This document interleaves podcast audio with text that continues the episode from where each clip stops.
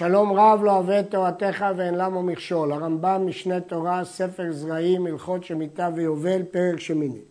כדרך שאסור לעבוד הארץ בשביעית, כך אסור לחזק ידי ישראל שעובדים אותה, או למכור להם כלי עבודה, לפי שאסור לחזק ידי עוברי עבירה.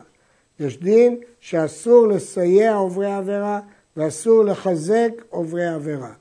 האיסור הזה הוא משום לפני עיוור לא תיתן מכשול. הרמב"ם מפרש, מי שהתאווה סגרה את עיניו, אל תעזור לו להוסיף עיוורונו.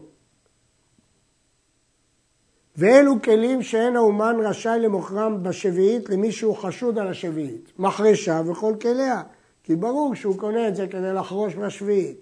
העול והמזרה והדקר. העול היא מערכת מוטות שמוטלת על הבהמה כדי למשוך עגלה או מחרשה.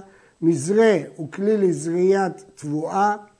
דקר הוא אביזר שדומה לכלי שחורש, הוא עיקר זה שננעץ בארץ. זה הכלל. כל שמלאכתו מיוחדת למלאכה שאסורה בשביעית, כמו פה שכל הכלים האלה מיועדים לחרישה, אסור למוכרו לחשוד. ולמלאכה שאפשר שתהיה אסורה ותהיה מותרת, מותר למוכרו לחשוד. אם ייתכן שהוא קנה את זה בשביל דבר מותר, אנחנו מתירים. כיצד? מוכר הוא המגל והעגלה וכל כליה. שאם יקצור בו מעט ויביא על העגלה מעט, הרי זה מותר. ואם יקצור כדרך הקוצרים או יביא כל פירות שדה, הוא אסור.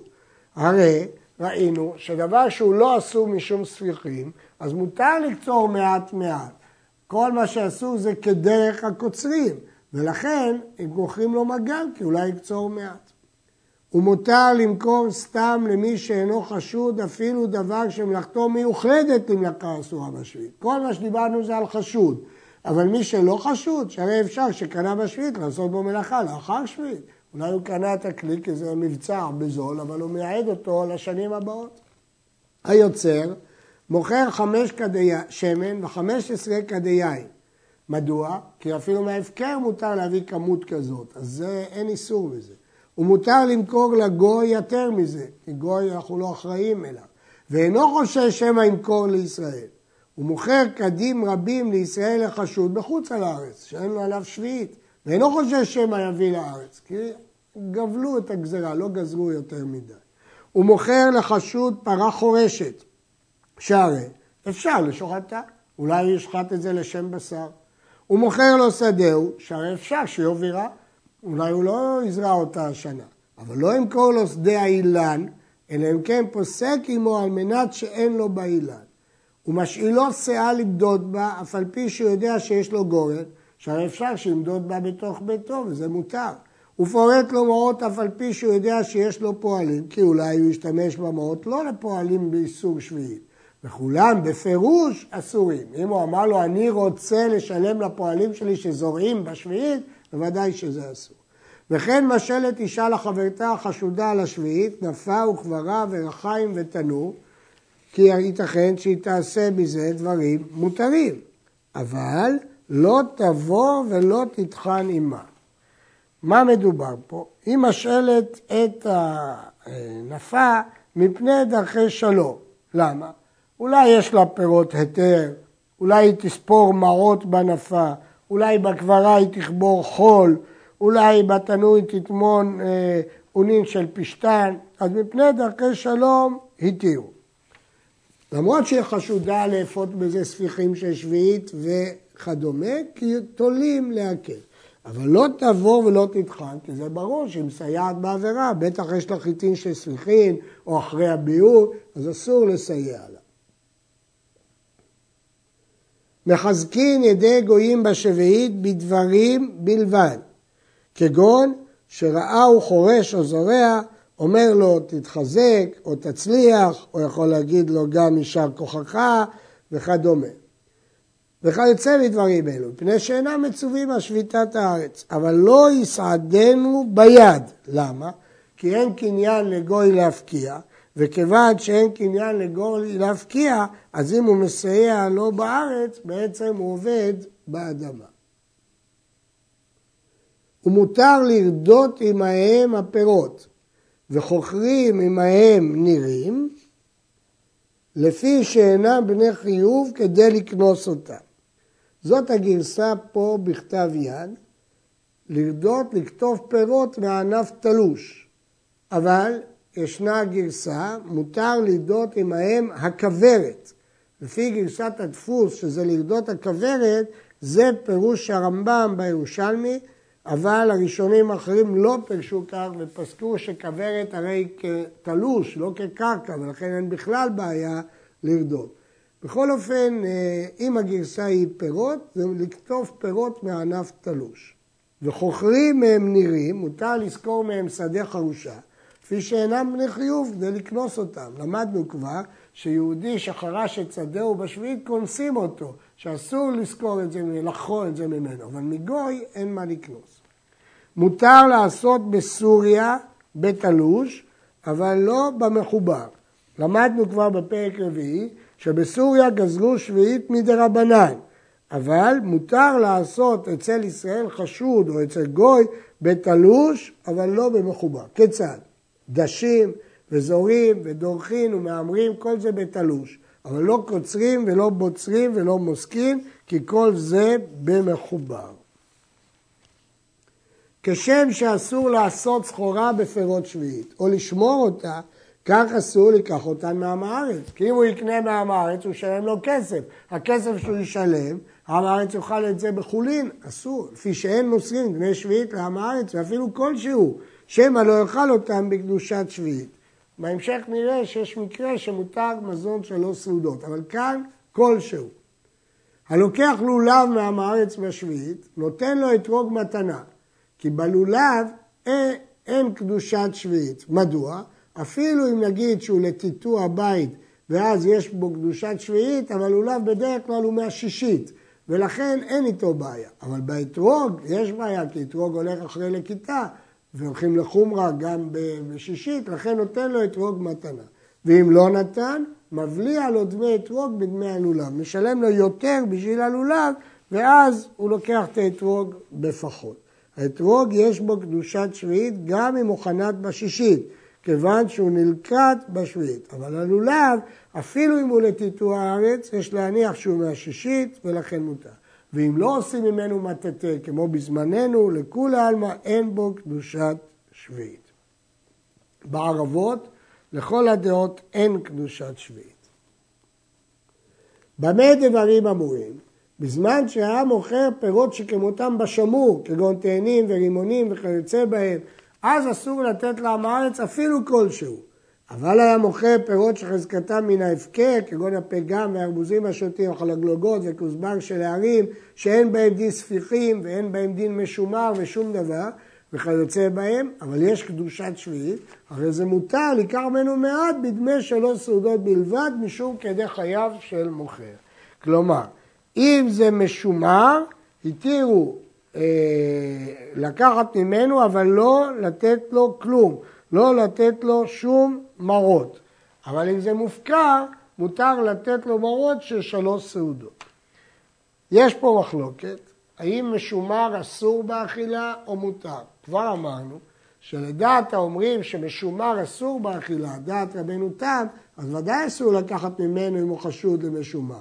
אבל הרמב"ם, כמו דעות אחרות בראשונים, שאין חשש שמשומר אסור לאכילה, ולכן רק אסור למסור לו דמי שביעית, אבל הוא לא אסור באכילה. ויש אומרים שהסיבה פה, בגלל שזה חשוד במשומר, ומשומר אסור באכילה. וכן כל דבר שאינו חייב במעשרות, כגון שום בעל בכי, יש פירוש שום חריף מאוד שאינו ראוי לאכילה, והאוכלו זולגות עיניו דמעות, כך פירש הרמב"ם בפירוש המשנה. ויש אומרים שזה מקום שנקרא בעל בק, וכך הרמב"ם מציע בפירוש שני. וכן בצל של רכפה, בצל שכולו שכבה אחת, חריף מאוד. ואפשר שגם זה שם מקום, הרמב"ם בפירוש המשנה. וגריסין על קלקיות, גרגרי פול מחולקים מקלקיה באסיה. ועדשים מצריות, וכן זרעוני גינה שאינם נאכלים, כגון זרע לפת וצאן וכיוצא באלה, הרי אלו נלקחים מכל אדם בשביעית, כי הם פירות שאינם נאכלים ואין בהם קדושת שביעית. במה דברים אמורים בעם הארץ סתם? אבל מי שהוא חשוד לעשות סחורה בפירות שביעית, או לשמור פירותיו ולמכור מהם, אין לוקחים ממנו דבר שיש עליו זיקת שביעית כלל, ואין לוקחים ממנו פשתן אפילו סרוק, כי חוששים שהזרעים של הפשתן מיועדים גם לאכילה ויש בזה קדושת שביעית. אבל לוקחים ממנו תבוי ושזור, את זה כבר לא חששו חכמים, כי לא חושדים שהחשוד יפסיד את כל הבגד וישתמש בזרע הפשתן אסור. החשוד על השביעית אינו חשוד על המעשרות, והחשוד על המעשרות אינו חשוד על השביעית. שב על פי שזה וזה מן התורה.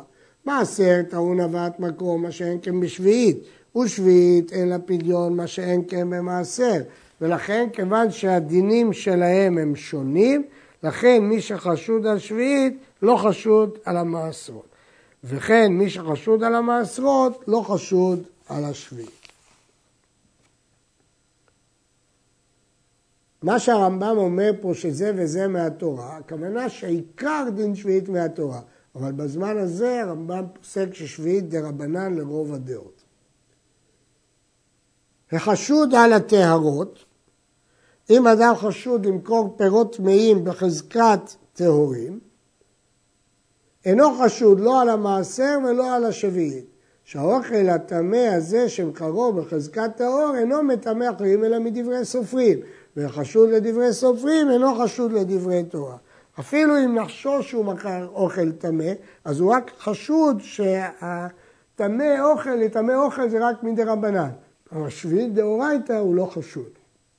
כל החשוד על הדבר, אף על פי שאינו נאמן על של עצמו, נאמן הוא על של אחרים, אפילו בדבר שהוא חשוד עליו.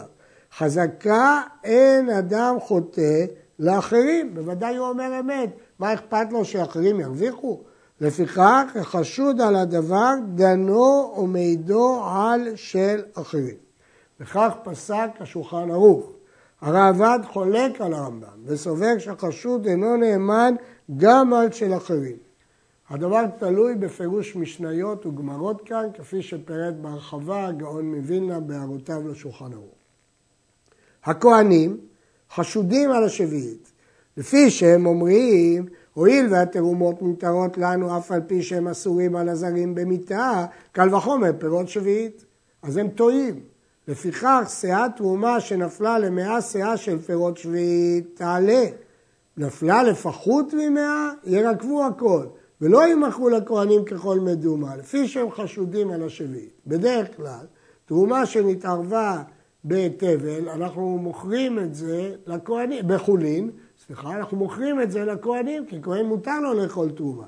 אבל כאן לא, כי יש חשד שכיוון שהתערב בפירות שביעית, הכהן יאכל גם את השביעית בלי קדושת שביעית. למה? כיוון שהם חושבים שאם התרומה הותרה להם, גם פירות שביעית הותרו להם. הצבעים והפתמים לוקחים מורסן מכל מקום, ואין חוששים שמא מספיחי שביעית. אה, מורסן, אין בו איסור שביעית בכלל, אבל הכוונה היא שהם יכולים לקחת מעם הארץ, כי לא חשוד לעשות סחורה במורסן של שביעית. גבאי קופה בשביעית, שגובים מאנשים אה, לחם, לא יהיו מדקדקים בחצרות של אוכלי שביעית. לא נגיד שהם ידלגו על החצר של אוכלי שביעית אה, כדי שלא ייקחו ויאכילו לעניים. אלא הם לוקחים גם מאוכלי שביעית, ואם נתנו להם פת מותרת. והם חוששים לה שמא מסריחי שביעית. אנחנו לא חוששים שמא הפת הזאת מסריחי שביעית, כי בסתם הוא לא חשוד לתת עניים צדקה מסריחי שביעית.